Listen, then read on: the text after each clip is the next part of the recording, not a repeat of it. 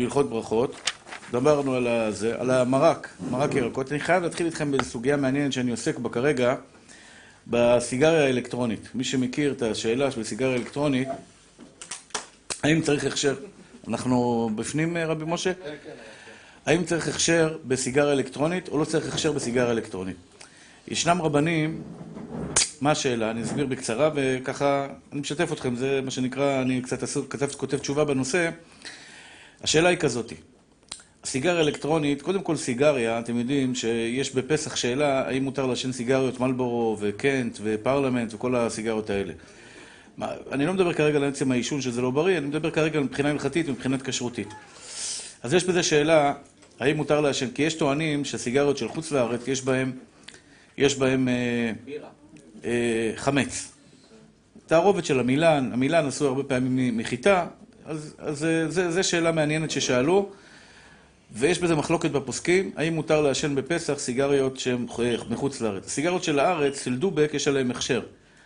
של רבנים שבעצם בדקו שאין שם חמץ. אז אין בהם בעיה. אבל הסיגריות uh, של אמריקה הן יותר בעייתיות מבחינת פסח.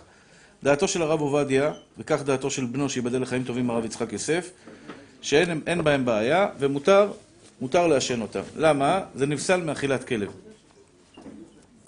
כשלוקחים את הטבק ושורים אותו בחומרים אחרים, כמו חומרים כימיים שנותנים טעם וריח, ב... נותנים טעם וריח ב... ב... בארומה של הסיגריה, זה נפסל מאכילת כלב. יש לנו כלל שאומר שכל דבר שנפסל מאכילת כלב, הרי הוא מותר באכילה. אז מה הבעיה בסיגריה אלקטרונית? למה, מה מתעורר בשאלה בסיגריה אלקטרונית היום? כולם מעשנים סיגריות אלקטרוניות. זאת אומרת, המון המון אנשים שנגמלים, לא נגמלים. תודה רבה, תבורך מפי עליון צדיק, השם ישמור אותך. הבעיה בסיגריה אלקטרונית, שזה לא עשן, זה עדים. סיגריה זה, זה עשן. כשאדם מעשן סיגריה, הוא שורף את, ה, את הטבק, הוא שורף את החומר שנמצא בתוך הסיגריה, הוא שואף את החומר, הוא שואף עשן, הוא לא שואף עדים. בשואף עשן זה יותר קל. זה לא נקרא אכילה. עשן, גם זה לא נקרא דבר שהוא חשוב בכלל. עדים נחשב כאכילה. עדים נחשב כאכילה. יש רב בשם הרב משה שטרנבוך, שהוא פוסק שאסור לעשן סיגריה אלקטרונית בלי הכשר. למה אסור לעשן? הוא טוען שהעדים, מה המקור שלו? המקור שלו הוא משולחן ערוך. עדים שבאים מהקדרה. למשל, למשל, דוגמה, אני, לוקח מלח ומלחייה ומולח עכשיו סיר מלא בבשר. סיר, תבשיל של בשר, והעדים של הבשר עולים ונוגעים במלח שלמעלה. האם העדים האלה בשריים או לא בשריים? הבנתם את השאלה? העדים של התבשיל שעולה למעלה, העדים האלה בשריים או לא בשריים? למשל, אחותי התקשרה אליי שבוע שעבר, היה לה סיר של בשר עם מכסה, היא לקחה את הסיר של הבשר, את המכסה, העבירה אותו מעל סיר חלב, ונפלו טיפות מהעדים של הסיר הבשרי לתוך הסיר החלבי. זה מה שקרה. השאלה הנשאלת, האם הסיר נאסר או לא נאסר? זה טיפות של עדים של סיר בשרי, שנפלו לתוך סיר חלבי. האם העדים האלה, יש להם דין של בשר או אין להם דין של בשר? הבנתם את השאלה?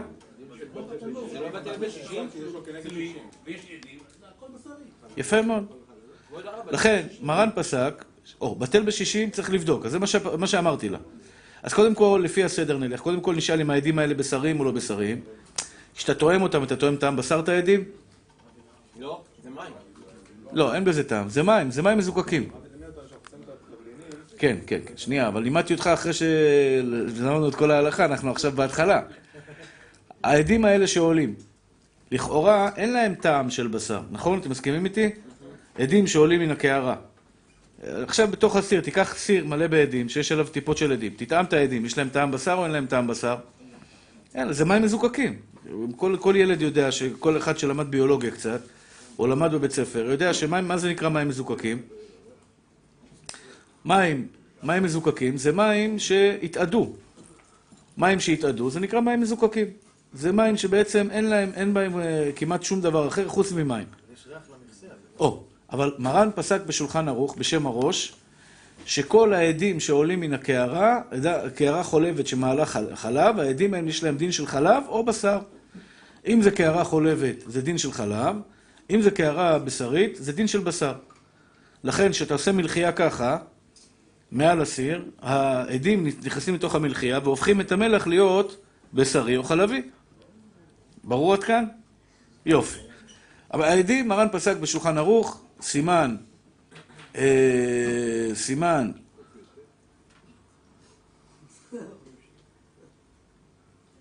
ק"ח, שהעדים שעולים מהסיר, יש להם דין של בשר. עכשיו, עד כאן אתם הבנתם מתוקים? זו הלכה פשוטה. עדים, למשל דוגמה ניתן לך. אה, חלב, יש לך חלב רותח. סיר חלב רותח, אל תשים מעליו כפית, כף, בשרית. כי העדים של החלב רותח הם חלביים, הם עולים למעלה, הם הופכים את הכף הבשרית, חס ושלום, להיות טרף. זה בסדר? יופי.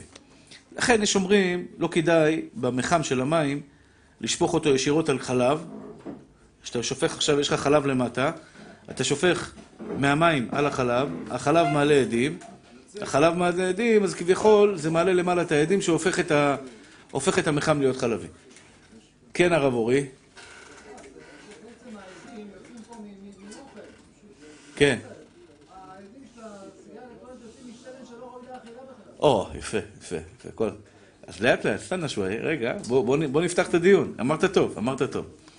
עכשיו, הפוסקים שמחמירים, הרב משה שטרנבוך סובר, אומר, לפי זה, העדים של הסיגריה האלקטרונית, העדים של הסיגריה האלקטרונית, קודם כל זו שאלה אם יש שם גליצרין או אין שם גליצרין. סתם ככה אתם צריכים לדעת, כל בן אדם צריך לדעת את השאלה הזאת, האם מותר לשתות באוקראינה קוקה קולה, או אסור לשתות באוקראינה קוקה קולה? זו השאלה. מה השאלה? גליצרין זה חומר ששמים אותו בתוך המשקה, לא בכל המשקאות, במשקאות מסוימים. הוא לא נותן טעם וריח, הוא פשוט הופך את המשקה להיות נוזלי יותר, סמוטי, אה, חלק יותר. או משטח כזה, מה שנקרא, עובר לך בגרון בצורה יותר, אה, ביותר, אה, בחלקלקות. או, אז בגליצרין הרבה פעמים יש בו חומר.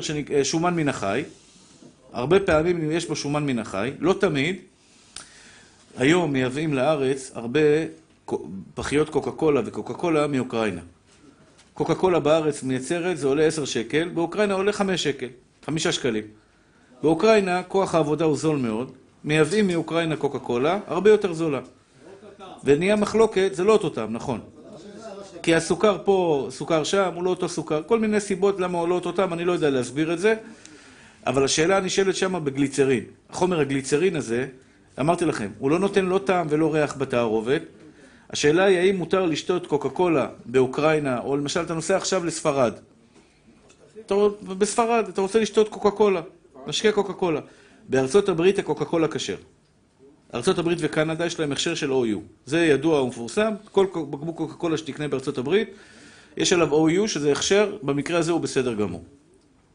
אבל כשאתה נוסע לאירופה, אין שם הכשר. גם כשאתה מגיע לארץ, יש על זה חותמת של, של אה, רבנות בלז, איך קוראים להם? אה, מחזיקי הדת. מחזיקי הדת. מחזיקי הדת. השאלה היא, ויש פוסקים שאומרים שאסור לשתות באוקראינה. באוקראינה, מי שנוסע לאומן הרבה פעמים יודע, יש שם מחלוקות בין הרבנים, האם מותר לשתות קוקה קולה, ספרט, ספרייט מותר, קוקה קולה אסור. מה השאלה? הגליצרין הזה, חומר שנקרא גליצרין, פעמים שהוא עשוי משומן מן החי. הוא עשוי משומן מן החי. בשומן מן החי, הגויים, איזה שומן מן החי הם ישימו? של נבלות, טרפות, של חזיר, כל מה שיש להם, כל שומן שיש להם, הם ישימו שם, הם לא, הם לא מקפידים על כשרות, זה גויים. אז ממילא, אם יש שם שומן מן החי, לכאורה יש לאסור את זה. על אותו משקל רוצים לאסור גם את הסיגריה האלקטרונית. כי בסיגריה האלקטרונית יש גם כן את החומר שנקרא גליצרין, כמו קוקה קולה.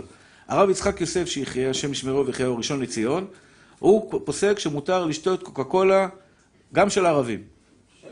כן, ככה, אני, אני לא ידעתי מזה, אבל ככה שמעתי שהוא פוסק. גם של ערבים הוא פוסק שזה מותר. ערבים, של אוקראינה, כל, ה, כל, ה, כל סוגי הקוקה קולה. הרב יצחק יוסף, הראשון לציון, הרב הראשי לישראל, שיחיה. הסיבה לכך, כי החומר הגליצרין, מה הסיבה לכך? החומר הגליצרין, כשמכינים אותו, בגלל שמערבבים אותו, את השומן מן החי, מערבים אותו יחד עם כל מיני חומרים כימיים, הוא נפסל מאכילת אדם ומאכילת כלב. הבנתם? חומר כימי בדרך כלל לא ראוי למאכל. חומר כימי הוא שורף. הוא נפסל מאכילת אדם ומאכילת כלב. אז אני לא מבין את השאלה בכלל, איך היא מתחילה. אם אתה אומר שכל החשש שלך שיש שם גליצרין, בנוזל של האידוי של הסיגריה האלקטרונית, יש לך חשש של גליצרין, הרי הגליצרין עצמו, ששותים אותו בתור משקה, יש פוסקים שמתירים, למה? כי הוא נפסל מאכילת אדם. כל שכן, כל שכן בסיגריה האלקטרונית, שבסיגריה האלקטרונית מערבים אותו עם עוד חומרים. ואני טעמתי את זה כמה פעמים. יותר מזה, כשטסתי לאמריקה היה לי פה זה, ונשפכה לי הסיגריה האלקטרונית על הכיס. נשפכה לי סיגריה אלקטרונית, נשפך החומר על הכיס. והיה לי שם כיסם שיניים. באתי להשתמש בכיסם שיניים שהיה לי בכיס, הרגשתי חריף. אבל שמתי לב שנשפך לי בעצם מהשמן. השמן אפילו נגע בכיסם, הוא כבר לא ראוי לאכילה. אי אפשר, אתה שם את זה על הלשון, זה, זה עושה לך גבייה. זה עושה לך ממש מר. השאלה הנשאלת, השאלה הנשאלת, רק שנייה מתוקים. השאלה הנשאלת, עכשיו אנחנו אמרנו שעדים זה כמו אוכל. מותר לך לשים את הראש מעל בשר, סיר, סיר חזיר, מבשלים בו חזיר, ולנשום את העדים של החזיר? ודאי שאסור. אמרנו שהעדים, יש להם דין של תבשיל. העדים יש להם דין של תבשיל. אז... אבל אסור לאכול, אסור ליהנות? מה? לא. בסיגריה האלקטרונית, יש שאלה, שאלו אותי באמריקה אם מותר לעשן סיגריה אלקטרונית בתענית. אם זה עדים, זה לא עשן. עשן מותר לעשן סיגריה. זה כל, ככה הסכימו הפוסקים שמותר לעשן סיגריה רגילה בתענית. השאלה היא, בסיגריה אלקטרונית זה נקרא עדים. האם העדים האלה מותרים או אסורים? אתם מבינים שעדים זה יותר, חש, יותר חמור מאשר, אה, מאשר עשן. אז זה, זה החומרה שיש לנו בסיגריה אלקטרונית. עצמו הוא פסול. מה? בדיוק. עשן, זה, אין בזה ממשות, זה עשן. עשן זה כלום. עדים, אתה שים למעלה יד, יש לך טיפות, נכון? יש לך טיפות. אוקיי, אז התשובה היא ככה. למה, למה לעניות דעתי זה מותר? מותר ב, ב, ללא צל של ספק. מותר לכתחילה, בלי שום תעודת... מוכרים היום בבני ברק, מי שרוצה, סיגריות אלקטרוניות בהכשר. השאלה אם אני חייב לקנות בהכשר או לא חייב לקנות בהכשר. התשובה היא כדלהלן, כמו שאמר הרב אורי. יש לנו כלל שאומר ככה: כל דבר שנפסל מאכילת אדם ואכילת כלב, מותר לאכול אותו ול- ולאכול אותו בתערובת, לא ממש. כלומר, נבלה סרוחה, חס ושלום, נבלה סרוחה. נבלה שהיא סריחה, איף, יש לה ריח לא טוב, מסריחה. בא אדם רעב, אומר לך, אני רוצה לאכול את הנבלה הסרוחה הזאת. האם הוא עובר על איסור דאורייתא של אה, לא לאכול נבלה, או לא עובר על איסור דאורייתא? זה נפסל מאכילת כבל, כלב. עובר על איסור או לא עובר על איסור? זו השאלה. מה התשובה? תעזרו לי. הוא בן אדם כזה, הוא אומר לך, אני רוצה לאכול. האם הוא עבר, הוא לוקה או לא לוקה? הוא לא לוקה. קודם כל הוא לא לוקה. זה לא איסור דאורייתא. בתורה כתוב, נבלה בשעריך, נבלה אשר בשעריך, לגר, סליחה, נבלה, לגר אשר בשעריך תיתננה והאכלה. כך כתוב ב, ב, בתורה. לגר אשר בשעריך תיתננה והאכלה. אומרת, אומרת הגמרא, מתי, במסכת עבודה זרה ובחולין, מתי זה נחשב כנבלה? מתי יש לו דין של נבלה? כשהגר אשר בשעריך יכול לאכול אותה. אז זה נחשב כנבלה. אבל ברגע שהגר בשעריך לא יכול לאכול אותה, אין לו דין נבלה. כלומר, כל דבר שנפסל מאכילת כלב, והוא נמצא בתערובת, אין בו איסור אכילה. הרב עובדיה יש לו תשובה מאוד ארוכה בחלק ח' לגבי ג'לטין. כמו שאתם יודעים, ג'לטין, מה זה ג'לטין? עצמות של דגים. זה עצמות של דגים או עצמות של. של- של בהמה. כן, בהמה. היום יצא עצמות של דגים, אבל עד לפני 20 שנה היה רק עצמות של בהמות. ג'לטין מעצמות של בהמות, זה מה שהיה. הג'לטין הזה עשוי מנבלות וטרפות. איך עושים ג'לטין? לוקחים אורות, אורות של בהמה, ועצמות של בהמה, עצמות של, אתה יודע, בכל בהמה יש נגיד 300-400 קילו בשר, יש לו עוד איזה 50-60 קילו עצמות. מה עושים עם כל העצמות בעולם? לא עושים מהם ג'לטין, חלק מהם עושים את ג'לטין. מה עושים עם הג'לטין? לוקחים אותם, מייבשים אותם, מייבשים אותם ייבוש עד שהוא לא ראוי למאכל אדם, מייבשים אותו עם חומרים כימיים, כן? הופכים אותו לעפר, ואז טוחנים אותו, מבשלים אותו, ומבשלים אותו, לא מבשלים אותו, אבל מהאבקה שלו, מהאבקה של העצמות של הבהמה הזאתי, עושים חומר שנקרא ג'לטין. חומר הזה, ג'לטין, עושים איתו סוכריות. היה פעם סרטון שרץ ברשת, איך עושים סוכריות. אם ראיתם אותו, זה מגעיל לגמרי. אנשים אוכלים סוכריות גומי ולא יודעים ממה עשוי סוכריות גומי. סוכריות גומי, לא, זה שטויות. אמרו פעם שבבזוקה, כשהייתי ילד, אמרו שבבזוקה יש דם של חזיר. זה שטויות. יש שם, יש שם, יש שם ג'לטין. יש שם ג'לטין. אבל אין שם דם של חזיר, זה שטויות. זה... אני זוכר שהייתי ילד דתי, והילדים הלא דתיים היו אוכלים בזוקה, ואני לא הייתי אוכל בזוקה, איזה ריח היה להם מהבזוקה. עד שבסייעתא דשמיא, לפני איזה עשר שנים, יצא בזוקה כשר, למהדרין. אז מאז אני יכול לטעום גם כן בזוקה. אבל ברעיון, ברעיון הג'לטין הזה, הג'לטין הזה, מה השאלה בג'לטין? אם אתם רוא, יודעים, יש נקניק, נקניק. אתם מכירים את הנקניק הזה, סלמי הזה? או נקניק פעם, נקניק עם שקיות מלמעלה. אה, קבנוס, או יש את הנקניק שעושים המרוקאים, מרגז. מרגז, כן? כשר, מה לא כשר? עושים את זה בבית. ברוך אתה אדוני, אלוהינו מלך העולם, שהכל נהיה בדברו. לא, ג'לטין דגים. בד"ץ, בד"צים אין ג'לטין, בבד"צים אין ג'לטין אה, בהמות, יש רק ג'לטין דגים. מה ההבדל? שזה בא מבהמות, נבלות וטרפות. הרב עובדיה, יש לו תשובה שהוא כותב שהג'לטין הזה, הג'לטין הזה, שנפסל מאכילת כלב, כמו שהסברתי לכם, לוקחים את העצמות, לוקחים את האורות, מייבשים אותם בחום גבוה, או מייבשים אותם על ידי סיד, שמים אותם בסיד, עד שהם נהפכים להיות כעפר הארץ, טוחנים אותם, מהאבקה שלהם עושים ג'לטין. סוכריות, מסטיקים, כל הדברים האלה הקשיחים כמו ג'ל, ג'ל זה מלשון ג'לטין. כל הג'לים למיניהם, וזה דרך אגב עושים עוגת גבינה, עוד מעט שבועות. עוגת גבינה קרה, יפה מאוד. איך עושים עוגת גבינה שהיא תצא ג'לי כזאתי, שהיא תצא קשה כזאת? שמים שם ג'לטין. אז יש ג'לטין של בהמות, שזה של נבלות וטרפות, ויש ג'לטין דגים. פעם היה שאלה, מישהו טבע את מילקי, מילקי, אתם יודעים שספרדים לא אוכלים דגים וחלב ביחד. אתם יודעים את זה, נכון? ספרדי לא אוכל פיצה, פיצה אנצ'ובי או פיצה טונה או כל הדברים האלה. זה לספרדים. או לאכול עכשיו אה, טונה, אה, לאכול אה, גבינה, גבינה עם, עם, עם דג, דג טונה או דג סלומון או כל הדברים האלה. או חמאה, חמאה, זה טעים. ככה אמרו לי, אני לא טעמתי את זה אף פעם. כן, כן. סושי, יש הרבה סושי. עושים סלמון עם גבינה. לא, אתה ספרדי, אסור לך לאכול, ממי. גם תימני אסור לו לאכול. אסור לך לאכול. ככה? ראית? ראית? כשזה... תן לו תשובה. כן. אם אתה רוצה לא לנהוג כמו הספרדים, אז אין לך את הקולות של הרב עובדיה. כשהרב עובדיה מקל, אתה לא יכול להגיד, "אה, אני ספרדי. אז תשקול מילים לפני ש... טוב. נכון מתוק שלי, נכון מתוק שלי, אבל מנהג הספרדים, יש בזה מנהגים שונים בין הספרדים לאשכנזים. האשכנזים אוכלים דגים וחלב ביחד חופשי חופשי. אתה הולך עכשיו למסעדה, הכשר של אשכנזי מהדרין למהדרין, הוא נותן לך סושי, סושי, בפנים אה, קרם צ'יז, גבינה, גבינה, גבינה, גבינה, ודג. פיצה עם אנשובי, עם דג מלמעלה. אשכנזים מתחילים, מלכתחילה מקילים בזה.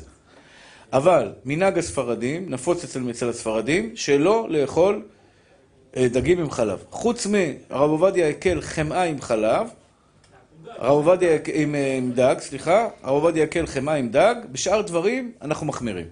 אסור לאכול פיצה עם אנשובי, אסור לאכול פיצה עם דג עם טונה, אסור לאכול אה, קרם צ'יז, גבינה, יחד עם, אה, עם דג אה, סלומון, כל הדברים האלה, אסור לאכול. בסדר מתוקים? אין מה לעשות. שאלה טובה, אין לזה תשובה, אבל זה ההלכה. זה נגיד. אחד אחרי השני, אתה לא צריך לצחצח שיניים. שאלה יפה שאלת. הוא עכשיו אוכל דגים, הוא רוצה לאכול גבינה. הרבה, הייתי בברית, בארצות הברית, מגישים לך דג עם קרים צ'יז, ביחד, לא ביחד, אחד ליד השני. אז אתה שם בצלחת, אתה אוהב גם דג, אתה אוהב גם גבינה, אתה אוכל מהגבינה ואתה רוצה לאכול מהדג, צריך לצחצח שיניים באמצע או לא? אם אדם אוכל חלב ואחרי זה בשר, אתם יודעים שבשר אחרי חלב, אה, חלב אחרי בשר אסור לאכול שש שעות, נכון? חלב אחרי בשר, אכלת בשר, אסור לך לאכול חלב שש שעות. בסדר? אבל בשר אחרי חלב, מותר מיד. בשר אחרי חלב, עשיתי את הנס קפה, אתה רוצה לאכול בשר? מותר לך. אבל לשטוף את הפה, שלוש, דברים צריך לעשות.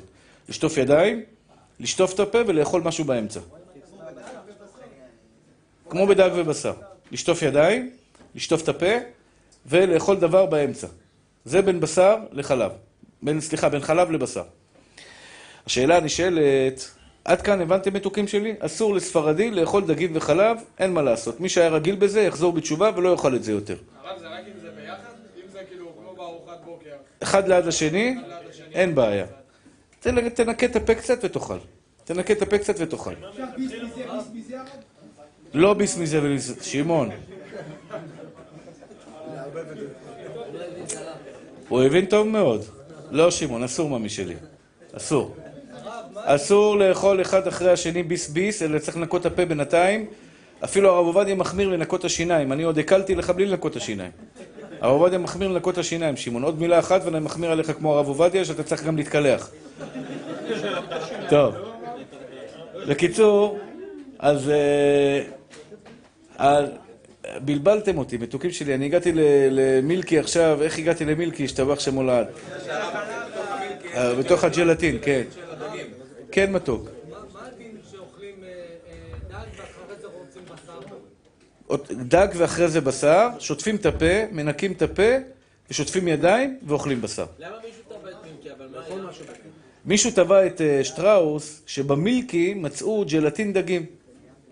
שמים במילקי, איך המילקי, איך, הש... איך המילקי, יש לו, יש לו שוקולד, ושוקו, שוקו, נכון? איך השוקו הזה עומד יפה ככה? שמים בו ג'לטין. אז הוא טבע אותם. טבע אותם, אתם הכשלתם אותי בהלכה. במה הכשלתם אותי? שנתתם לי, כתבתם שהמילקי שלכם כשר, ואני ספרדי, ובסופו של דבר הכשלתם אותי עם מילקי שיש בו ג'לטין דגים. יש כמה רבנים שבאמת אמרו שזה אסור. אני כתבתי תשובה בזמנו, תשובה די קצרה, שזה מותר לכתחילה, אין שום בעיה. מותר לאכול מילקים, ג'לטין, דגים לכתחילה, ללא שום חשש ופקפוק כלל וכלל. למה?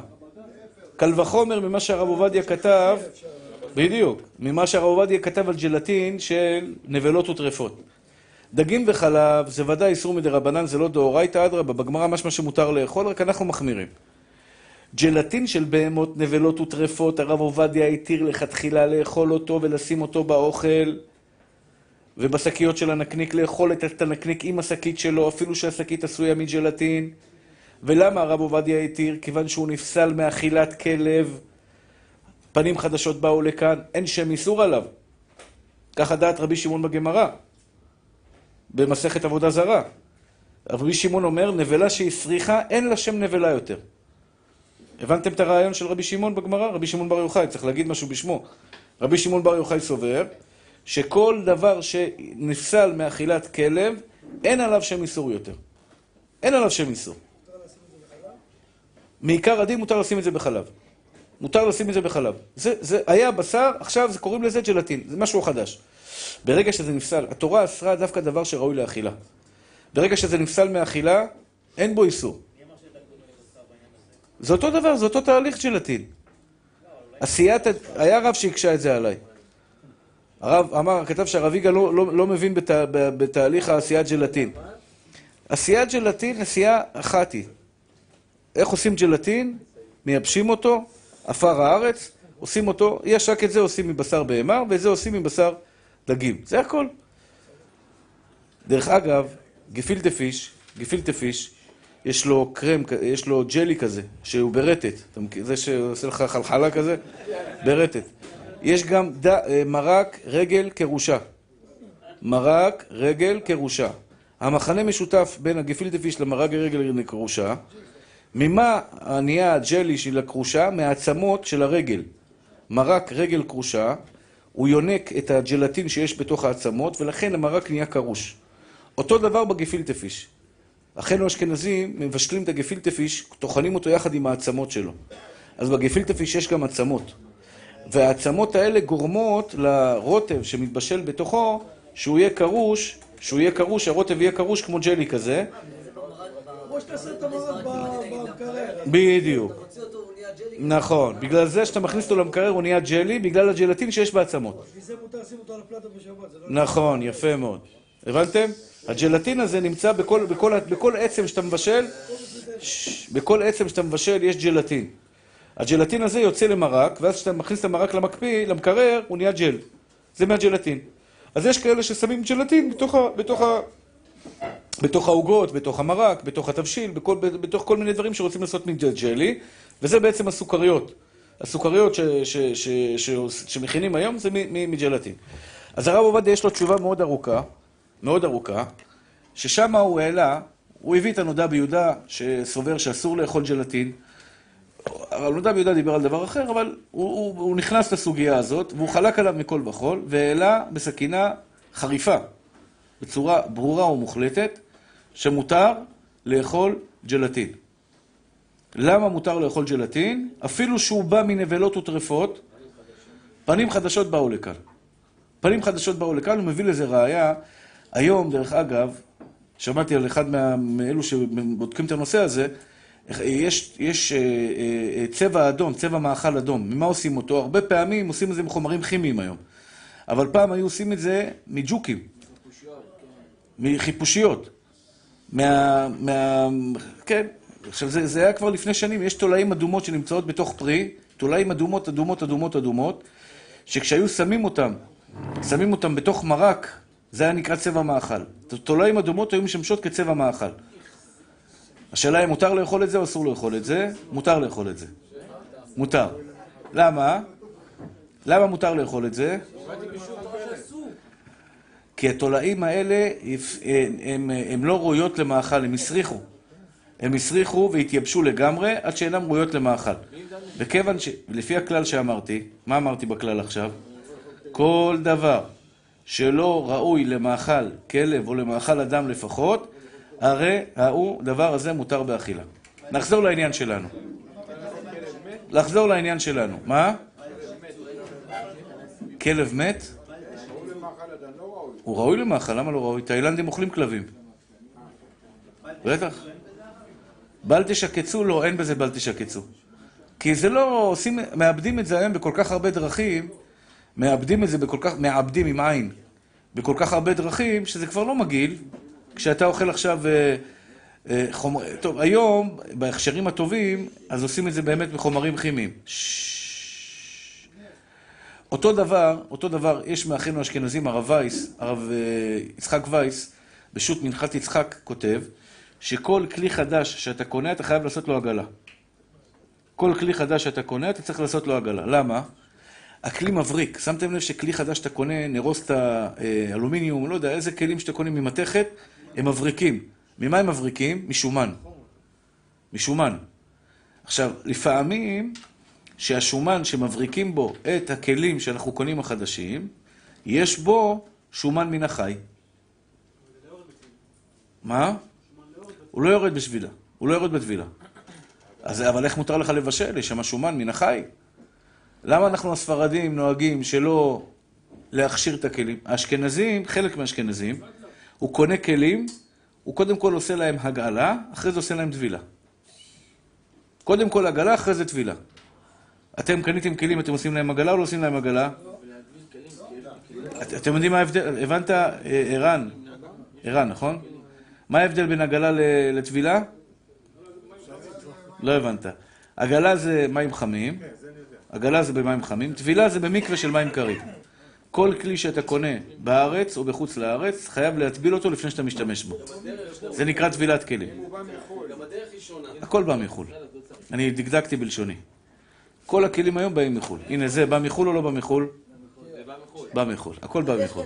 לא, יש כזה אבל שזה תוצרת הארץ, אז לא צריך. איפה איפה מייצרים כזה דבר? יש, לא, בכללי, אם אני רואה שכתוב על זה תוצרת ישראל, אז לא צריך. למרות שעדיין אני... נכון, אם אתה רואה שכתוב תוצרת ישראל. כחול לבן, זה ש- הכלים של הג'חנון.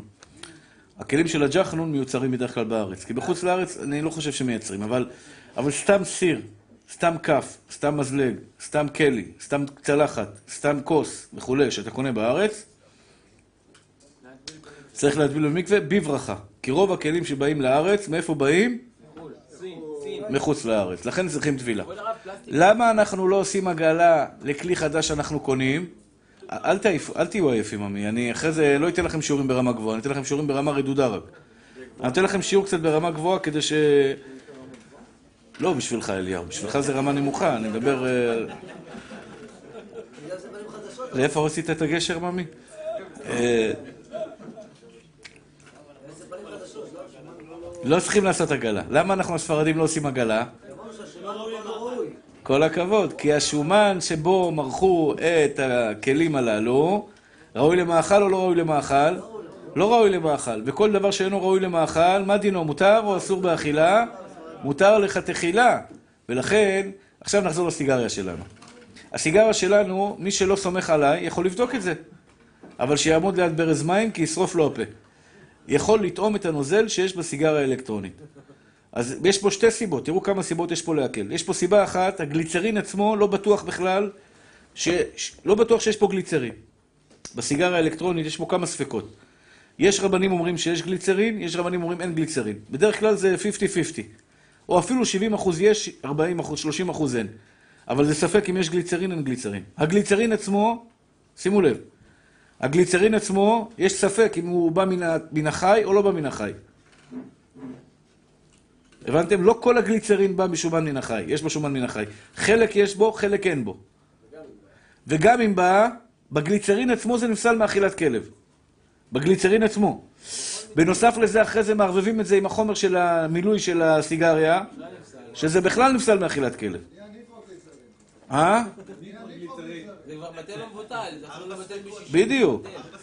ובנוסף, זה בכלל לא אכילה לדעתי.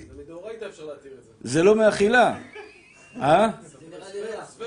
יש פה ארבע ספקות. ספק, יש פה גליצרין, ספק אין פה גליצרין. ואם תאמר יש פה גליצרין, אולי אין בגליצרין הזה שומן מן החי. זה שתי ספקות. ואחרי זה יש לנו את הספק של הרב עובדיה, שזה לא ראוי למאכל כלב. תבדקו את זה, אני בדקתי את זה פה. מי טעם את זה פה? היה איתי פה עוד אחד. מה? ומה אתה מרגיש? מגעיל, נכון? מגעיל. בעיה, תראה. איך הוא הגיע לזה? איך הוא הגיע לזה? יש רבנים שמחמירים, יש רבנים... אני פותח, אני פותח כדי לפסוק הלכה, פותחים את הסוגיה מההתחלה, מעיינים בה כמה ימים טובים, כדי לפסוק למותר או אסור. בדרך כלל, מי שלא עיין בהלכה יגיד לך אסור. הוא יתייעץ עם, אה, הוא יתייעץ עם, אה, ב- ב- עם הרב גוגל, אתה מכיר את הרב גוגל? הרב הגאון, סליחה, הרב הגאון. ובאמת, תפתחו הרב גוגל, תכתבו סיגריה אלקטרונית כשרות, רוב הרבנים בגוגל אוסרים. לדעתי כן. לדעתי מחוסר ידיעה. מחילה מכבוד תורתם הגדולה, לדעתי מחוסר ידיעה. כי מי, ש, מי שיורד לסו, לעומק הסוגיה, כמו שאני פותח לפניכם את הסוגיה, פתחתי לפניכם את הסוגיה. אמרתי לכם, מה זה גליצרין, מה זה החומר שיש שם, יש שם שומן מן החי, קוקה קולה, קוקה קולה בחוץ לארץ, הרב יצחק יוסף מתיר, אפילו שיש שם גליצרין, אפילו אחי זה נפסל, בתור גליצרין זה נפסל מאכילת כלב. בנוזל הזה ש, של האידוי, גם כן זה נפסל מאכילת כלב.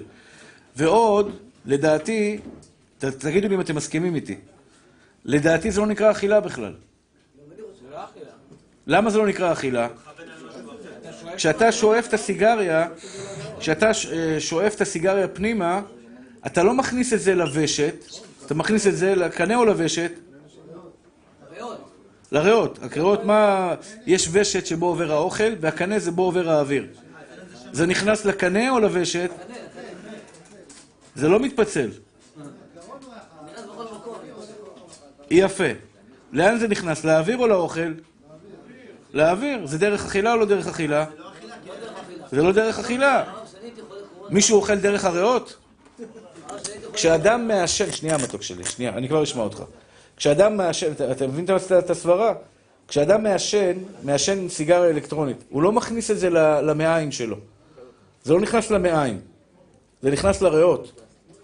ולכן לכן מוצאים הרבה פעמים, אה, ילדים שמעשנים הרבה, מוצאים שיש להם מים בריאות. מאיפה המים בריאות האלה הגיעו? כי הסיגריה האלקטרונית נכנסת לריאות. ממילא זה לא נקרא דרך אכילה בכלל. זה לא דרך אכילה. כל דבר שהוא לא בדרך אכילה, זה עוד צד להקל. יש לנו פה ארבע ספקות. ארבע ספקות, או לפחות, או חמש. אם זה, זה חמש. יש לנו גם כלל, כל דה פריש מרובה פריש. כל דה פריש מרובה פריש זה אומר שיש לך עכשיו דבר שהוא בספק, למשל, הלכת עכשיו לשוק, קנית תפוח. אתה לא יודע, התפוח הזה עורלה או לא עורלה? הייתי פעם בטבריה עם, עם תלמידים, אז מישהו מכר שם תות שדה. אז שאלו אותי תלמידים, אפשר לקנות ממנו תות שדה? אמרתי, לא נראה לי שאפשר לסמוך עליו, הוא לא היה נראה תלמיד חכם, בוא נגיד. אה, אמרו לי, מי אמר לך הרב? הוא לא באמת צדיק. אמרתי, לך תשאלו אותו שאלה אחת, לפי התשובה שלו נדע אם הוא תלמיד חכם או לא. אז הלכו- אה, אמרתי להם, תשאלו אותו אם יש חשש עורלה בתותים או אין חשש עורלה בתותים. הלכו, שאלו אותו, תגיד לי, כבודו, יש חשש עורלה בתותים? הוא אומר, מה פתאום, זה תותים נקיים ללא חשש עורלה, ללא חשש זה. אמרתי להם, בואו, בואו, בואו, בוא, נלך, זה, בטבחט רציני זה. מה זה אין חשש? עורלה זה רק בדברים סתם, אני, זה היה מילתא דבדיחותא, מה שנקרא. תותים גדלים באדמה. עורלה זה רק בעצים, מי שלא הבין את הבדיחה. אז ממילא, גם עץ של שלוש שנים. הבנת? מתוק שלי? יופי. כן, בסדר, מחמיר אני... אבל האמת היא, האמת היא, עכשיו סתם ככה, זו שאלה מעניינת, שאלה מעניינת. אתה הולך עכשיו לשוק. יש מחלוקת בין הרב אלישיב לרב עובדיה. האם מותר לקנות מהשוק פירות וירקות ולאסר אותם או לא? אתה הולך עכשיו לשוק פתח תקווה. מה אתה אומר הרב יצחק המתוק שלי? הולך לשוק פתח תקווה. רוצה לקנות כמה פירות וירקות, לא עכשיו, לא בשמיטה, לא בשנת לא בשנת שמיטה, בכללי. לא בשנת שמיטה, צודק. לא. בשנת שמיטה אני מפחד. כל הכבוד אליהו. לא בשנת שמיטה, בשנה רגילה. לא, הערה נכונה. לא, הוא צודק לגמרי. כן. כשאתה עולה עם הגשר לטריפולי, בדרך תעצור שם. אל תתחיל איתי עכשיו.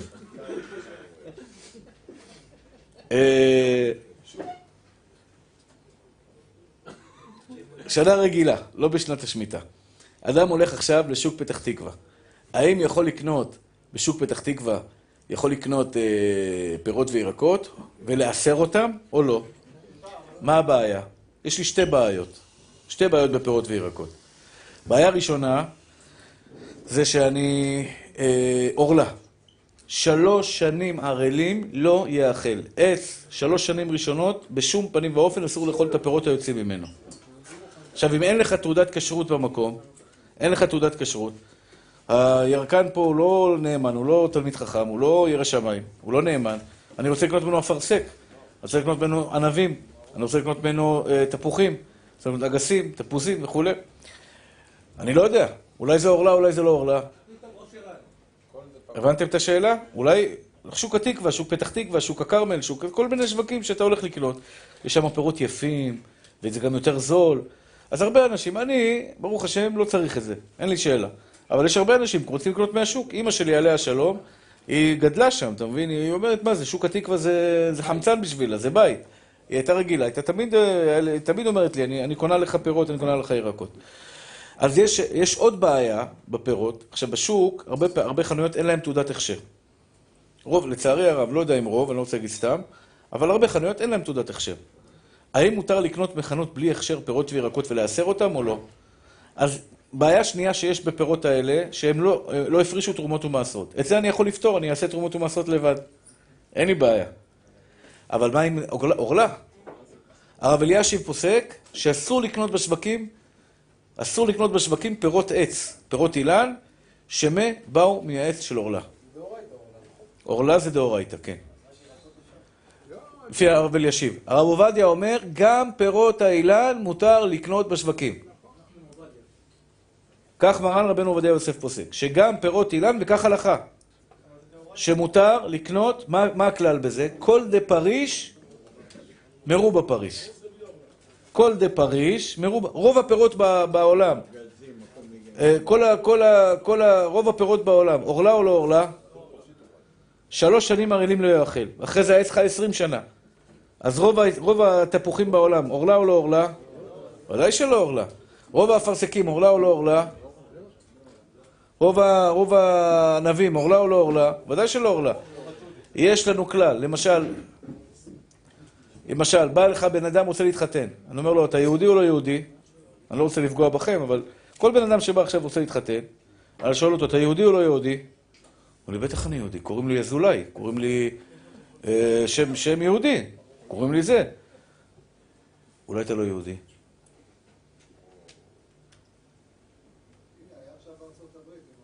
כן? לא, בן אדם עכשיו כל יהודי, גם אני. גם כן, אתה כהן, אולי אה, זה- זה סתם איזה שם שקנית לעצמך. מה התשובה? תלך ארבעה דורות, תלך חמישה דורות. מי אמר לך ש... אני לא מתכוון לפגוע, חס ושלום. אני שואל שאלה הלכתית נטו. אתה יהודי, נכון? אתה, וואו, יהודי, ברוך השם, מוסר, נפש. לא, אתה יהודי מאה אחוז ממי. אתה יהודי מאה אחוז. אני אגיד לך עכשיו. אני רוצה, שאתה תגיד לי. אם אתה לא תגיד לי, אני אגיד לך.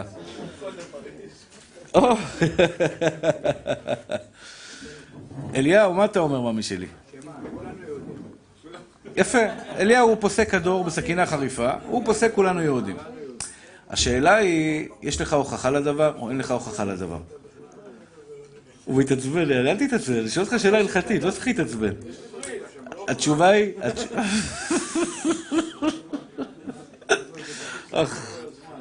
התשובה היא ככה, כל דה פריש, נראו בפריש, כיוון, כיוון שרוב האנשים שבאו מהאזור שלך, וקראו להם שם כזה, ורוב האימהות הצדקניות היו קדושות וטהורות, ולא חס ושלום לא בגדו, ולא עשו שום דבר, שום טעות, אז כשבא לי אחד ואומר לי, אני יהודי, אני יהודי, כל דה פריש, מרובה פריש.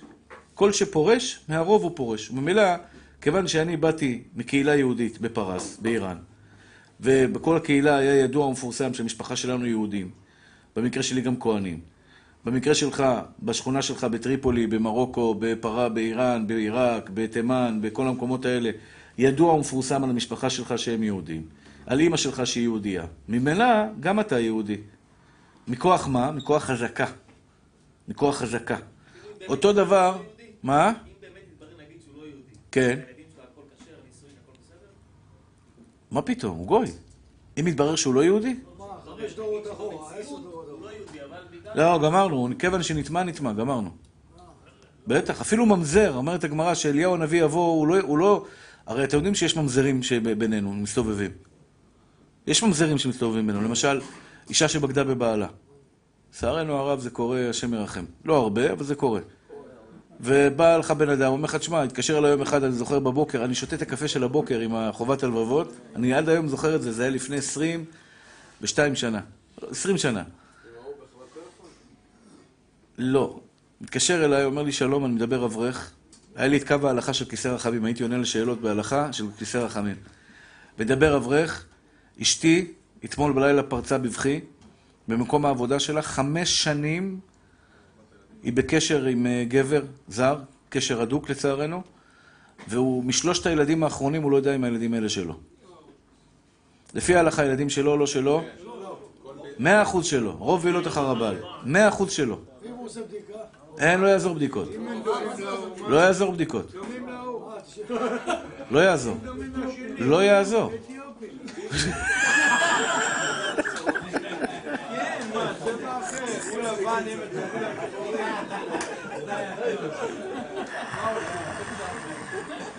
אליהו, אתה חייב ללכת לבית הדין הרבני, אתה תעשה להם שם מצב רוח טוב. טוב. בקיצור, הילדים של הבעל. אבל יכול להיות, על פי ההלכה, אמרתי לו, אומר לי הרב, אני אעשה בדיקת אבהות או לא אעשה בדיקת אבהות? אמרתי לו, שום דבר. אל תעשה בדיקת אבהות, אל, אל תהפוך את הילד לממזר, השם ירחם ויציל. אתה יודע מה זה ממזר? איזה כתם זה? תתגרש זה משהו אחר. להתגרש זה משהו אחר. אבל לחיות, אבל אה, הילדים כשרים למהדרין. יהודים כשרים. מה? מה, נשמה טהורה שלי, מה נראה לך? שלפתי לו את זה מן המותן, ממי שלי? נראה לך שלא חשבתי על השאלה שלך, ממי שלי? לא, אבל הגמרא, נא להירגע, לנשום עמוק. הגמרא אומרת, הגמרא כבר דנה בשאלה הזאת. זו לא שאלה חדשה לצערנו הרב. זו שאלה כבר ישנה מאוד. הגמרא דנה בזה, והגמרא העלתה רוב בעילות אחר הבעל. כלומר, אפילו אם חס ושלום אישה בגדה בבעלה, עדיין, רוב הפעמים היא הייתה עם בעלה, ולכן, וגם, יש לזה עוד הסברים, אני לא רוצה להיכנס פה בגלל שאנחנו בשידור. הילדים כשרים למהדרין. אה, אם הוא יודע, אם היא מאמין לה שהיא בגדה, הוא חייב להתגרש, ודאי. אם הוא מאמין לה, הרבה מקרים באים אליי. מה זה מאמין לו? רע בעיניים. לא יודע. לא רע בעיניים, לא מדובר, היא סיפרה לו את זה. היא סיפרה לו את זה. לא, לא, לא, לא, לא, לא. רגע, רגע, בוא אל תעשו זה, בוא שנייה, שנייה.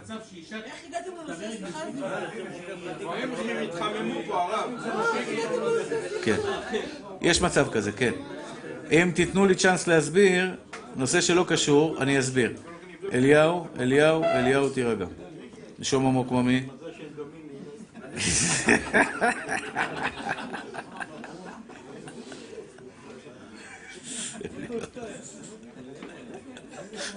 הוא אוכל תסריטים עכשיו. כן. אליהו, נשים צדקניות, קדושות וטהורות, אל תוציא, חס ושלום לא הוציא לעז. אני מדבר כרגע על מקרה ספציפי. אני אסביר את זה בקצרה, זה לא הנושא שלנו. אז קודם כל לגבי הילדים. אל תתווכחו איתי. מה שאני אומר לכם עכשיו זה הלכה ברורה, פשוטה, כביאתה בכותך. אין בזה צל של ספק. מותר לאכול חלב עם, אה, עם ביצים? הוא נבהל. מותר לאכול חלב עם ביצים? מותר או אסור? כמו שאתה יודע שמותר לאכול... אה, כי הביצה, מאיפה היא באה? מהעוף.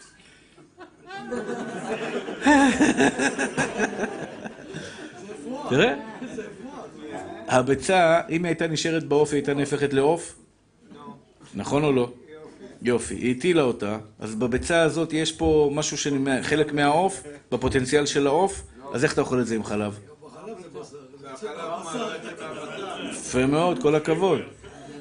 יפה מאוד.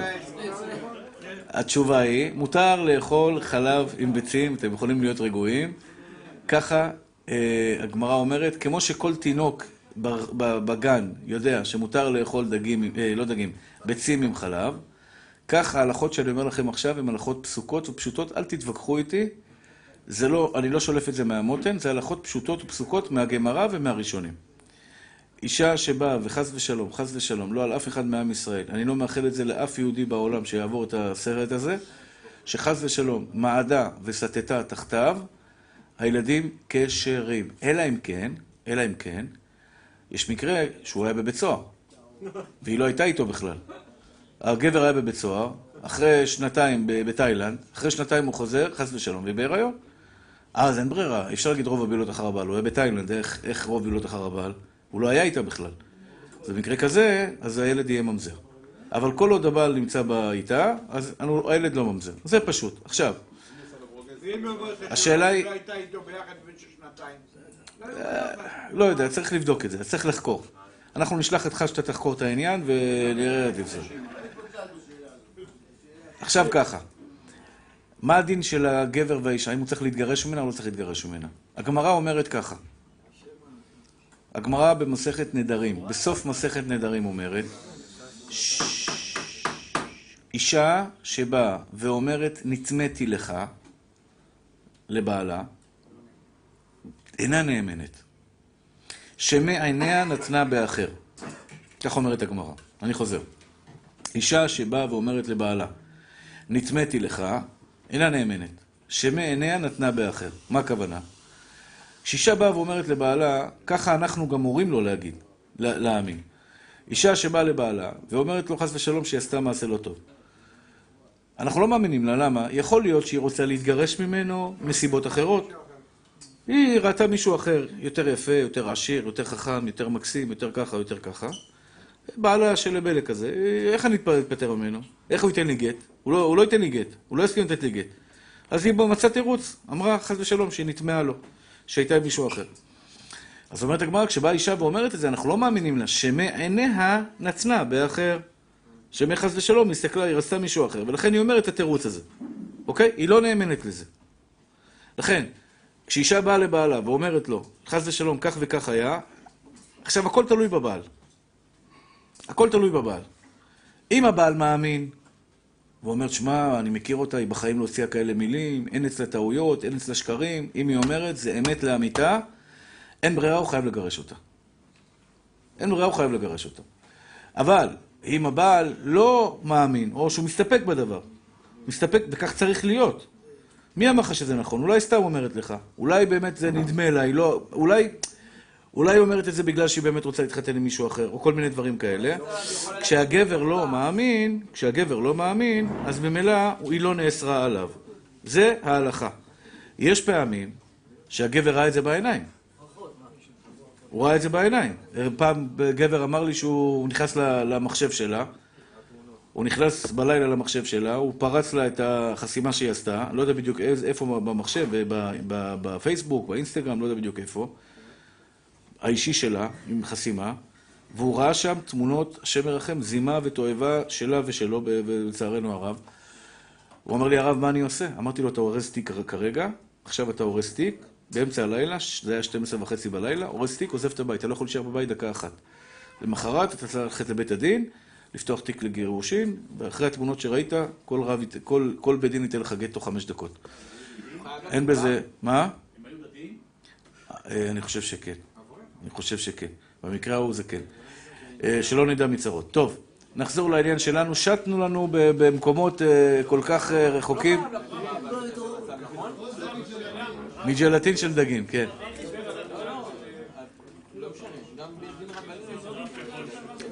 מי? יש בזה מחלוקת, אני לא נכנס איתכם לכל הפרטים, אתה שואל שאלה טובה. לא, זו אותה תורה, אבל זו שאלה של קבוע כמחצה על מחצה, אני לא יכול להיכנס איתכם לכל הסוגיה עכשיו. אתה צודק, אבל אתה שואל שאלה טובה.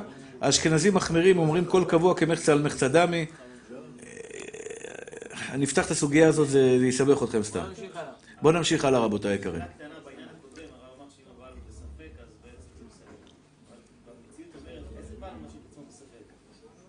תתפלא, תתפלא שיש הרבה גברים שמוכנים לחיות איתה בספק. אתה לא יודע כמה גברים שזה, אני ראיתי בעיניים שלי המון המון מקרים כאלה, שהבעל אוהב אותה, ו...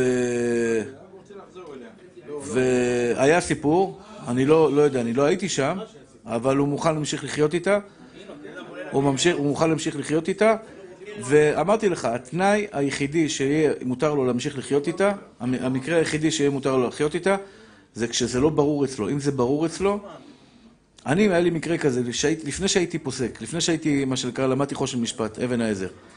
בא אליי, יום אחד התיישב אליי לידי, אני זוכר, ישבתי בכולל, למדתי, מתיישב לידי בן אדם, אומר לי, הרב, שלום, אפשר לשאול שאלה? כן, מתוק, מה השאלה? אומר לי, אשתי באה אליי עכשיו, לפני עשר דקות, אמרה לי שהיא הייתה עם המורה נהיגה. ככה, כן, מה אני עושה? אמרתי לו, לא, לא ידעתי, לא ידעתי את כל הכללים של ההלכה הזאת. לא, זה לא מצחיק, זה מקרה מאוד מצער. מקרה מאוד מצער.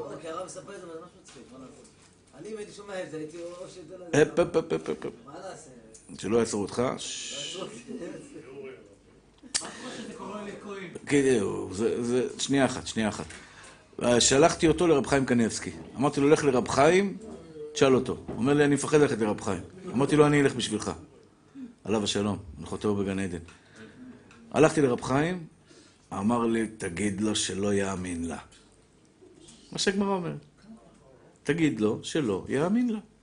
רב חיים זה היה גמרא, תורה. כן, לא, למה לא? תגיד לו שלא יאמין לה, שלום. זה, זה ההלכה. ואם באמת עשתה? אז אותנו זה לא מעניין. אה, זה לא מעניין. לא מעניין. אם, אם כרגע אנחנו, התורה. התורה... למה אתה מדבר ככה על אשתך? למה אתה מדבר על אשתך ככה? אל תגיד חס ושלום אפילו, מה אתה... זה, זה... אליהו? לא, חס ושלום, חס ושלום. אישה צנועה, נשות ישראל צדיקות, ברוך השם, קדושות וטהורות. טוב, רבותיי, כל דה פריש מרובה פריש. אני, לכהן זה אותו מקרה, אותו דבר. אה, שאם אה, הוא מאמין, היא אסורה עליו, אם לא מאמין, היא לא אסורה עליו. זה כמו 50 ו-50. בואו נתקדם. כלים מפלסטיק לא צריך טבילה. נחזור, נחזור לעניין שלנו. נחזור לעניין שלנו, שהוא עניין יותר רגוע. אליהו רוצה שנמשיך את האקשן.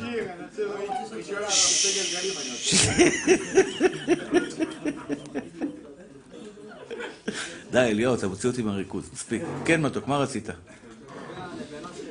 כן, נבלה שהסריחה, כן. אז אם הם מגלים איזשהו תהליך שיכול להחזיר אותה להיות ראויה להכיל מותר.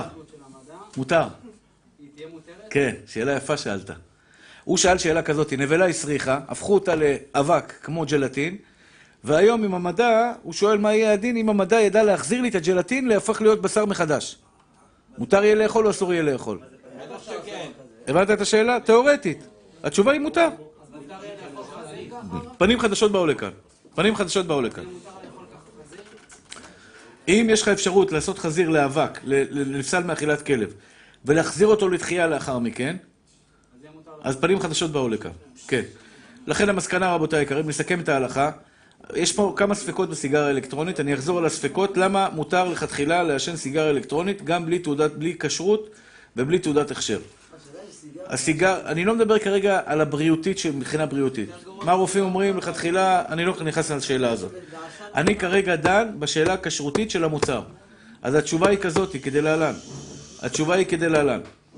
ספק ראשון, שאין שם גליצרין ואין שם בעיה בכלל. הרב זריצקי, יש הרב, יש רב אחד מומחה בכשרות, קוראים לו הרב יוסף זריצקי, הוא טוען, אין שם שום דבר שקשור לגליצרין. הכל חומרים כימיים, רעילים, רעילים, וחסרי טעם וחסרי ריח. לא רואים למאכל. כן? זה, זה, זה הסבר אחד. ספק שני, גם אם תאמר, הגליצרין עצמו נפסל מאכילת כלב. ספק שלישי, גם אם תאמר שיש שם שומן, כמו שאמר הרב עובדיה בג'לטין, שזה נפסל מאכילת כלב, זה מותר באכילה. זה, זה מותר באכילה וממילא גם בעישון. זה ספק שלישי. ספק רביעי, זה לא דרך אכילה. אתה לא מכניס את זה למעיים, אתה מכניס את זה לריאות. התורה לא אסרה דבר, זה לא בדרך הנאתו. למשל, דוגמה אני אתן לך. מותר לקחת שומן של חזיר ולשים אותו ולמרוח אותו על, על פצע בגוף? שומן של חזיר מותר למרוח על הגוף? לא, לא, לא, לא לאכול. שומן של חזיר עכשיו, אדם לוקח שומן של חזיר, מורח אותו על פצע. מותר למרוח אותו על פצע או אסור למרוח אותו על פצע? לא יודע. או, יפה, אומר לא יודע. התשובה היא שמותר. לא, לא, לא גזרו בזה חכמים. לא גזרו בזה חכמים. אתה מעיר הערה יפה, אבל לא גזרו בזה חכמים. ההערה שלך היא נכונה, אבל לא גזרו בזה חכמים. שנייה אחת, שנייה אחת. אז לכן במקרה הזה, במקרה הזה, יש לנו כמה ספקות. החתן שלי שיחיה, החתן שלי שיחיה גם כן אמר שכל מה שהזיעה שדיברו בחכמים, זה זיעה שאתה מרגיש אותה. אם תשים יד על סיר, אתה תרגיש יד רטובה. פה תשים יד על העדים, אתה תרגיש יד רטובה? אין בו ממש. זו הטענה של החתן שלי שיחיה, הרב נריה. אז אה, זה גם סברה להקל. יש פה חמש, חמש סברות להקל, ובוודאי שהרב עובדיה התיר בפשיטות בכל המקרים כאלה, וגם אפשר לומר שרוב ה, רוב הסיגריות האלקטרוניות אין בהן שומן מן החי. כל דה פריש מרו בפריש, ולכן, באחרי כל הסברות שכתבתי, שהבאתי לעיל, הבאתי כרגע, ודאי שמותר לכתחילה. האמת היא, האמת היא, שמנהג העולם, תראה בכל העולם כולו, כולם מעשנים את הסיגריה, אף אחד לא לוקח הכשר. אתם איתי או שאתם אה, בע- בעננים? אתם לא מעשנים?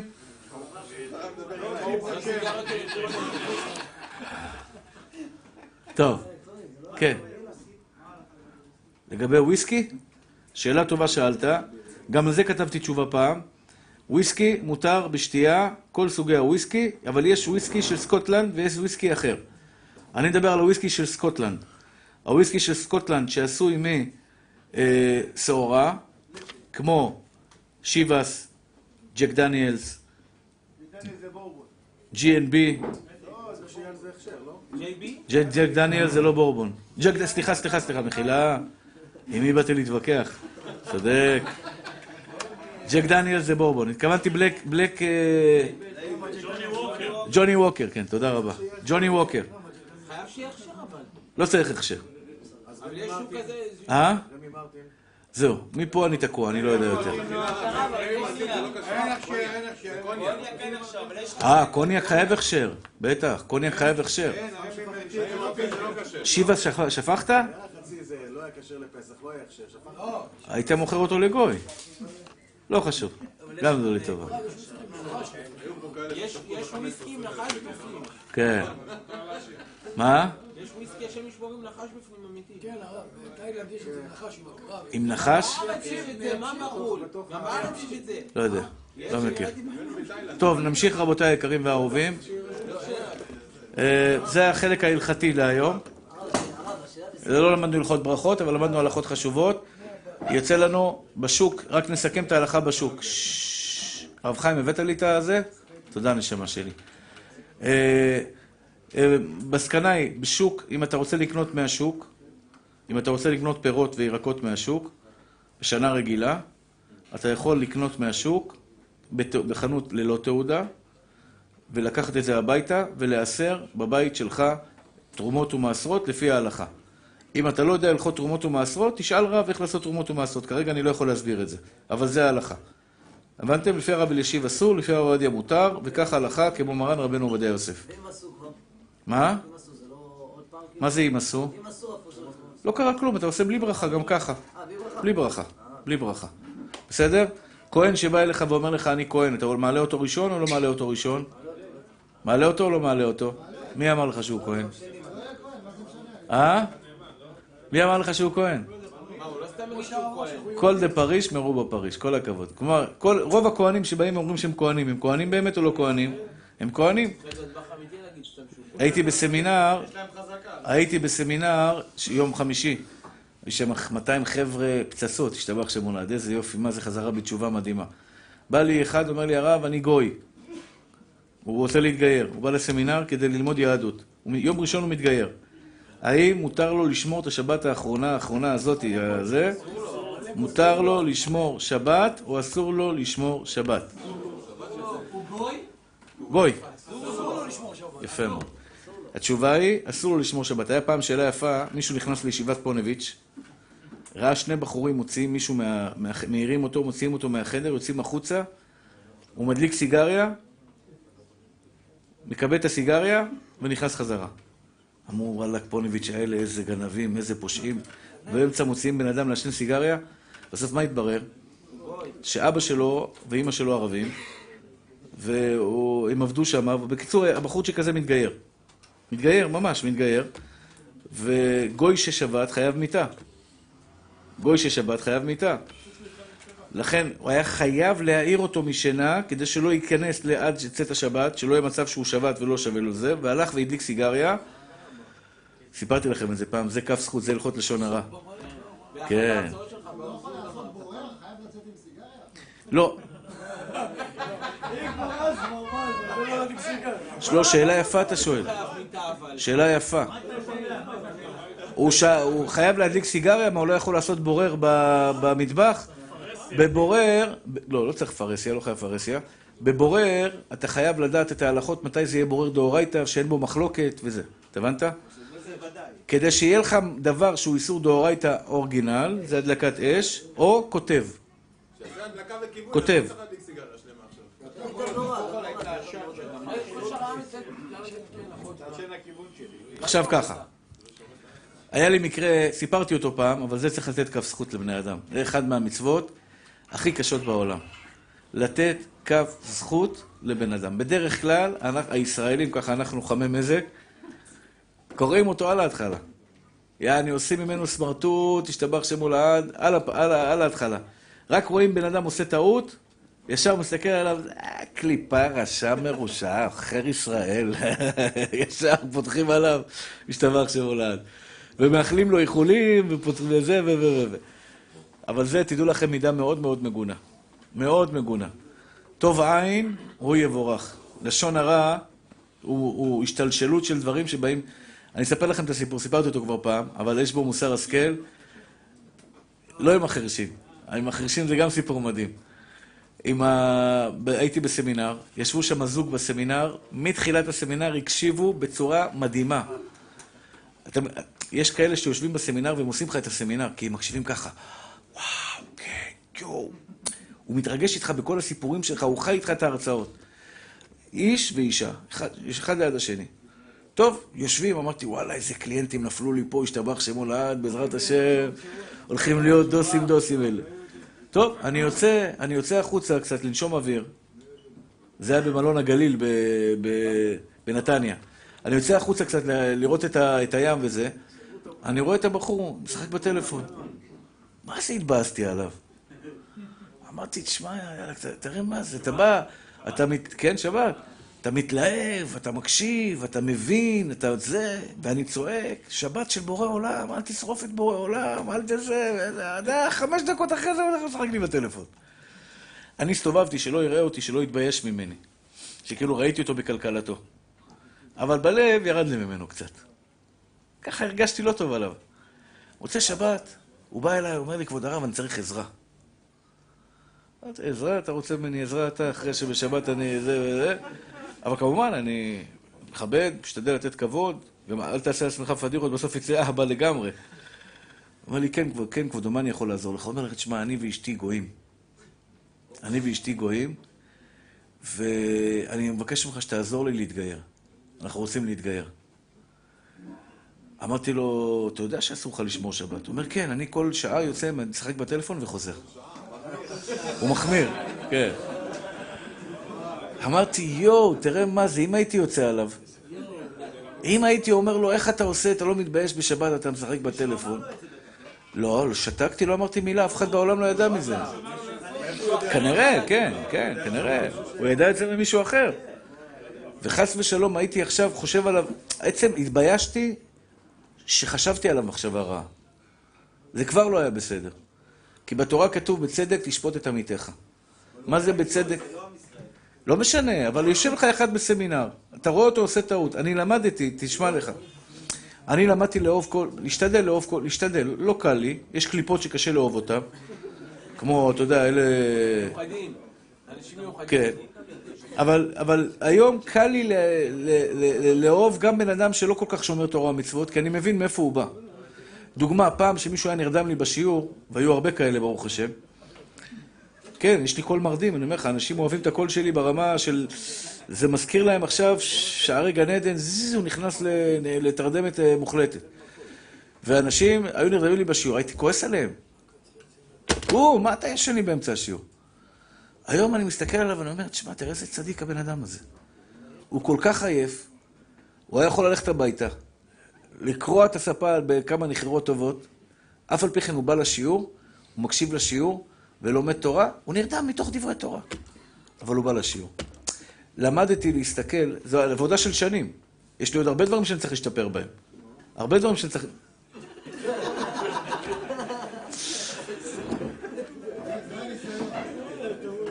אה, אה, יש דברים שאני צריך להשתפר בהם. כמו לאהוב את התלמידים שלך שמציקים לך באמצע השיעור, ולאהוב אותם אהבת נפש ולתת להם כף זכות. לא, אני אוהב אותם, באמת, אני אוהב אותם. אה, אבל זה, תדעו לכם, נקודה, נקודה מאוד חשובה. נקודה מאוד חשובה. כל פעם שאתה רואה איזה פגם או מום במישהו אחר, תנסה לתת לו כף זכות. בסך הכל הוא יהודי.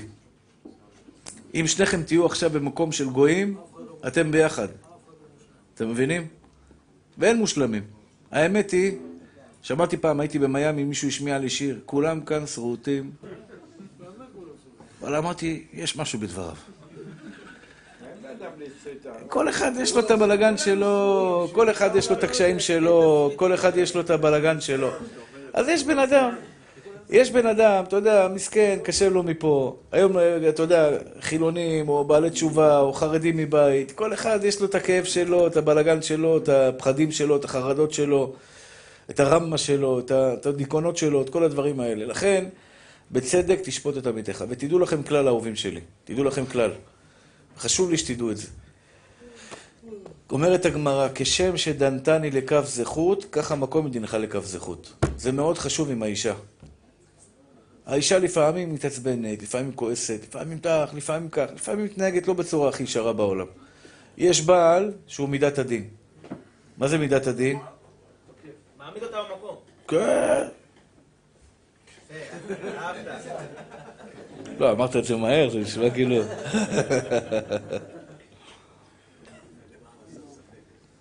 אתה יודע, ישר, מה פתאום? יש בעל עדין, מה שנקרא מידת הרחמים. מידת הרחמים. למשל, אתה בא הביתה, הבית מבולגן, אין אוכל, אין זה, יש בעל אומר, מסכנה, בטח טרחה, בטח עמלה, בטח כך, בטח כך. לא, אני אתן לך דוגמה, אתה רוצה דוגמה? חס ושלום, חס ושלום, לא עליכם, בן אדם שהבת שלו הייתה צריכה ללכת לבית חולים. והאישה רצה איתה לבית חולים, טיפלה במסכנה, אה, חזרה. זה קורה, מה, קורה, אתה בא הביתה. קרה לי את זה, קרה לי את זה פעם. קרה לי את זה פעם, באתי הביתה, אחת בצהריים, אני בא רעב, כי אני לא אוכל ארוחת בוקר כמעט. אחת וחצי, אחרי שיעור שמסרתי, הייתי מותש, אני חייב להכניס משהו לסוכר לגוף. אני בא הביתה, אין כלום, כלום. כאילו, מהבוקר את בבית. פתאום התברר לי שלפני חמש דקות היא חזרה עם הילדה. הייתה איתה במשטח קרון, רצה לפה, רצה לשם. קצת כף זכות, בן אדם. כף זכות. זה כמו שעכשיו אה, רואים אותך ברחוב בתל אביב. לפעמים אני אומר לך, אנשים, אה, לצערי הרב, לא יודעים קצת טיפה כף זכות. אה. מה אתה, כאילו... אז אולי היא לא מרגישה טוב, אולי עבר עליה משהו, אולי עכשיו מסכנה היא בדיקי, אולי בזה. אתה, לא חייב מאמין שלי. אתה לא חייב לתת כף זכות, אבל תדע לך, מי שלא נותן כף זכות, אלוקים גם לא ייתן לו כף זכות. זה מידת הרחמים. אסור לך להתנהג ככה. אני תמיד אומר, נשמה שלי, אתה לא עושה טובה לאף אחד. אתה לא עושה טובה לאף אחד. אתה רוצה להיות מידת הדין? תהיה מידת הדין. תתקוף, תתקוף, אבל אלוקים ישלם בדיוק כמו שאתה משלם לאחרים. אם אתה נותן כף זכות לאחרים. אתה רואה בן אדם מגיע באיחור לשיעור. מגיע באיחור לשיעור. הוא אומר לי, מחילה, מחילה, מחילה. הוא לא צריך לבקש ממני בכלל מחילה, כי אני מיד חשבתי על הדברים טובים. אחד בא לי עשר דקות לפני סיום השיעור. אני אומר, כל הכבוד לו שהוא בא עשר דקות לפני הסיום. כנראה שהוא היה כל כך עסוק, אבל הוא לא ויתר על עשר דקות לפני השיעור. אני לא אומר, וואלכ, הבן אדם שיחק כדורגל ובזבז את הזמן שלו והוא בא בסוף השיעור. אדרבה, אני נותן לו כף זכות. אותו דבר, אתה רואה בן אדם מדבר עם איזה בחורה ברחוב. פעם ראיתי איזה מישהו הלך בקניון, דיבר עם איזה מישהי. התקשר אליי למחרת, הרב, מחילה, אל תחשוד בי שדיברתי עם ההיא. זה, זה, אני בא לאסוף פה אוכל, בן אדם יהודי צדיק. הייתי בקניון עם, לא זוכר למה הייתי שם באיזה 12 בלילה עם אשתי. הקניון היה ריק.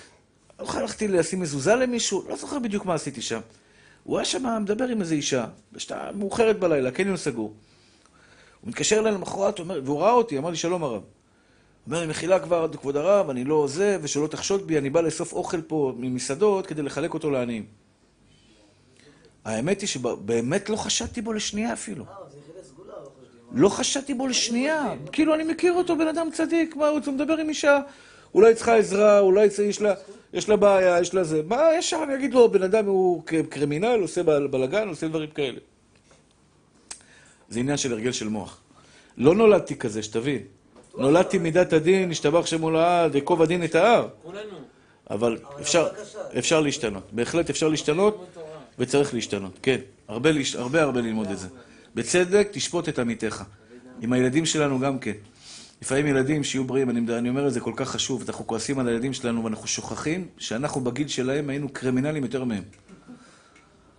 כל אחד ואחד מכם, שאל את אבא שלך ואת סבא שלך ואת אימא שלך ואת סבתא שלך, איזה קרימינל היית. אם יש לך קרימינל, ילד אה, שיהיה בריא עושה בלאגן, כנראה שגם אתה היית כזה. אז מה אתה רוצה מהילד שלך, תגיד לי? גם אתה היית שובר, גם אתה היית רז, גם אתה היית, וגדלת ברוך השם. אז הילד משתולל. מה אתה קופץ, ולמה, ולמה, ולמה? כולנו היינו ילדים, כולנו היינו שטותניקים, כולנו היינו כאלה. אז הילד הוא שטותניק. הוא מתחצף, ואנחנו לא התחצפנו, לצערנו הרב. אז הילד מתחצף. אני לא אומר לוותר לו, תחנך אותו, אבל אל תכעס עליו. כי גם אתה היית כזה. אומר חובת הלבבות. אל יכניס עצמו לסכנה. אסור לאדם להכניס עצמו על סמך ביטחונו בהשם. אומר, אני בוטח בהשם, ואני אעמוד באמצע הכביש ואתחיל לרקוד. לי, לי, לי, לי, לי, לי, לי, לי, לי, לי, לי. אני בוטח בהשם שכל המכוניות יעופו. אף אחד לא יפגע בי. זה צריך אשפוז, זריקות, כפייה, ניתוחים, בלאגן, אולי זה יעזור. מה אתה עושה צדיק? מה קרה לך אתה? אתה בוטח בהשם ומכניס את עצמך למקום סכנה? ודאי שזה אסור. או שהוא שותה משקאות חריפים שמסכנים את חיי האדם, הוא שותה, שותה, שותה בקבוק ויסקי שלם, אומר, הכל בסדר, בוטח בהשם. גם זה אסור, ודאי שזה אסור. אדם, אסור לו לעשות, למשל, לנסוע על אופנוע. אני מזהיר, באמת, תיזהרו על נפשכם, בבקשה. אני, אני עצמי, גם בתור בחור צעיר, היה לי רישיון לאופנוע, נסעתי על אופנועים ועשיתי תאונה. אין לכם מושג. עברו 30 שנה מאז התאונה. כמה אני סובל מהתאונה שעברתי. אני לא יכול בקושי מדרגות, כאבים, תופת יש לי. כאבי תופת, הברך שלי נעולה, כאבים נוראים. בתאונה לפני 30 שנה, שהייתי ילד, שטויות, עושה שטויות. התאונה לא הייתה באשמתי, אבל זה היה עם אופנוע. אתה יודע, אופנוע, אשמתך או לא אשמתך, זה השם ירחם ויציל. ממש סכנה. בוודאי ובוודאי ובוודאי שכשאדם, חס ושלום, נוסע במהירות מסוכנת, אני רואה אנשים שנוסעים בזיגזגים מטורפים, אני אומר, שמע ישראל, השם אלוקינו, השם אחד. יש שתי אפשרויות לבן אדם הזה. על הכבישים נוסעים כמו מטורפים. גם במכוניות וגם ב, ב, באופנועים.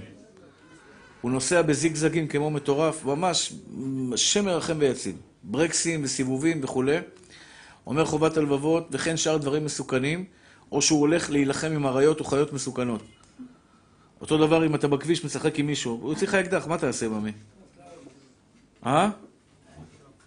מה תעשה לו? כן, מה יש לך לעשות? בשביל מה אתה רב עם אנשים על הכביש? פתאום יצא לך איזה הר אדם ואתה כזה צפלולה כזה, אתה משחק אותה אבו ענתר, אני... פתאום פותח לך את הדלת איזה מישהו. כן, סליחה, טעות. במצב של היום ללכת ולהוציא נשק, לקנות נשק, לספק נשק, זה לא מוריד מהביטחון? שאלת אותי את השאלה הזאת, אתה או מישהו אחר, לא זוכר, מחילה, זה לא אתה. האם מבחינת ביטחון להזמין נשק היום בתקופה שלנו או לא? זה השתדלות שאפשר להגיד שזו השתדלות סבירה. אז גם צבא לא צריך. רגע, ממי, רגע. למה אתה מתעצבן בובלה שלי? לא, זה לא כמו צבא, אל תגזים, זה לא כמו צבא. זה לא טוב, כי בכל זאת יש הרבה אנשים עם נשקים, זה לא אתה יחיד. אבל יש, יש בזה השתדלות, יש בזה השתדלות שהיא מן ההשתדלות. מי שיש לו ביטחון גדול בקדוש ברוך הוא לא צריך נשק. גם לא בשביל אחרים, הוא עושה ככה, והורג אותו. כן, כן, בתקופה הזו. בתקופה הזאת, כן. וכן שאר דברים מסוכנים, או שישחק באש, או בכלל, כל, כל דבר שהוא מסוכן, אסור בשום פנים ואופן לבן אדם לעשות. אומרת הגמרא, לא תנסו את השם אלוקיכם, כך אומר, אומרת התורה, לא תנסו את השם אלוקיכם, שאסור לאדם, אפילו שאתה בוטח בהשם, להכניס את עצמו לידי סכנה, כדי שחס ושלום לא יגיע. ואומרת הגמרא, ואפילו אם הוא ניצל, מנקים לו מזכויותיו. כלומר, זה שנוסע על אופנוע ועושה תעלולים על האופנוע, בסופו של דבר, חס ושלום, מנקים לו מזכויותיו. לכן לא כדאי להתעסק עם זה, להיות ילדים טובים, והקדוש ברוך הוא ייתן לכם ברכה והצלחה בכל מעשי ידיכם. ברוך אדוני לעולם, אמן ואמן. יש פה, יש פה בקשה, רבותיי היקרים, יש פה שיעור של הרב לסרי, יש פה שיעור של הרב הגאון הרב מיכאל לסרי, משודר בכל יום שלישי בשעה 12. אנחנו צריכים, מה, מה זה? 600 אה, אה, שקל, 100 כפול 6. 100 כפול 6, לכמה, לכמה אנשים? 20 20 אנשים. 20 אנשים. כמה זה עולה בקיצור? 12,000 שקל עולה לנו כל החצי שנה. 12,000 שקל עולה להביא את הרב, אה, לא, להביא את הרב מיכאל אסרי, יוצא 100 כפול 6 ל-20 אנשים. מי שרוצה להרים יד ולתרום לעניין הגדול הזה והקדוש הזה, החזקת שיעור תורה. של הרב לסרי, תבוא עליו ברכת השם. מי שרוצה להרים יד בבקשה. טוב, מי שרוצה,